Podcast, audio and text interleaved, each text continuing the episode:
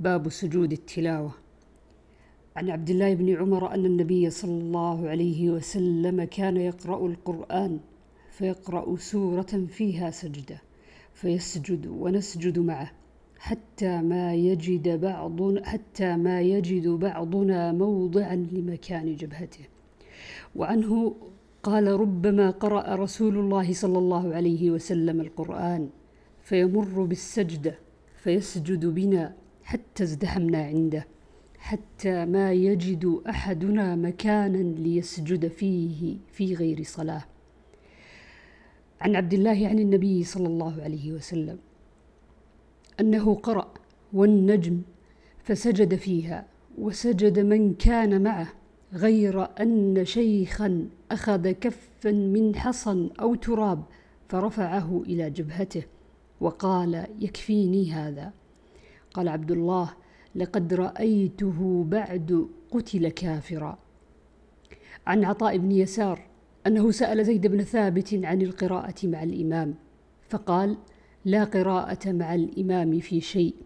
وزعم أنه قرأ على رسول الله صلى الله عليه وسلم والنجم إذا هوى فلم يسجد.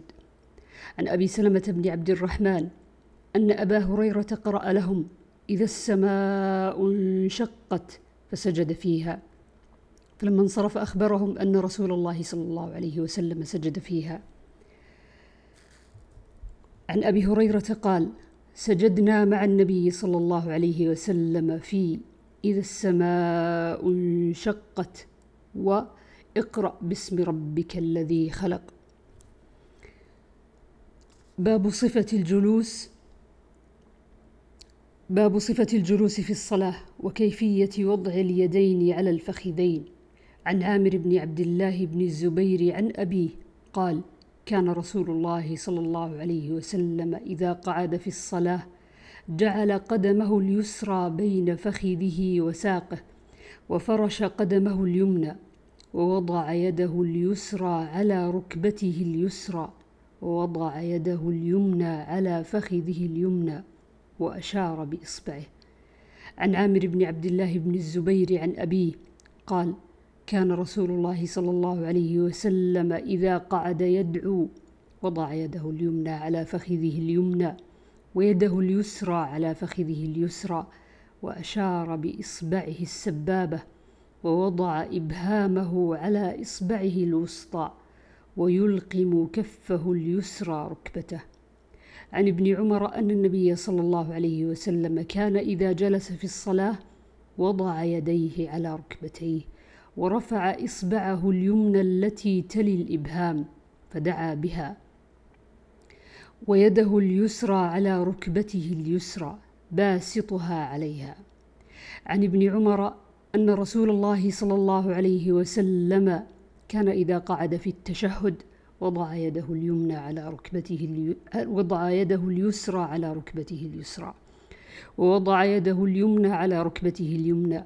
وعقد ثلاثة وخمسين وأشار بالسبابة. عن علي بن عبد الرحمن المعاوي أنه قال رآني عبد الله بن رآني عبد الله ابن عمر وأنا أعبث بالحصى في الصلاة فلما انصرف نهاني. فقال اصنع كما كان رسول الله صلى الله عليه وسلم يصنع. قلت وكيف كان رسول الله صلى الله عليه وسلم يصنع؟ قال كان إذا جلس في الصلاة وضع كفه اليمنى على فخذه اليمنى وقبض أصابعه كلها وأشار بإصبعه التي تلي الإبهام ووضع كفه اليسرى على فخذه اليسرى. باب السلام للتحليل من الصلاة عند فراغها وكيفيته. عن, ابن عن أبي معمر أن أميرا وفي رواية رجلا كان بمكة يسلم تسليمتين فقال عبد الله أنى علقها. وقال وقال الحكم في حديثه إن رسول الله صلى الله عليه وسلم كان يفعله. عن عامر بن سعد عن أبيه قال كنت أرى رسول الله صلى الله عليه وسلم يسلم عن يمينه وعن يساره حتى أرى بياض خده صلى الله عليه وسلم.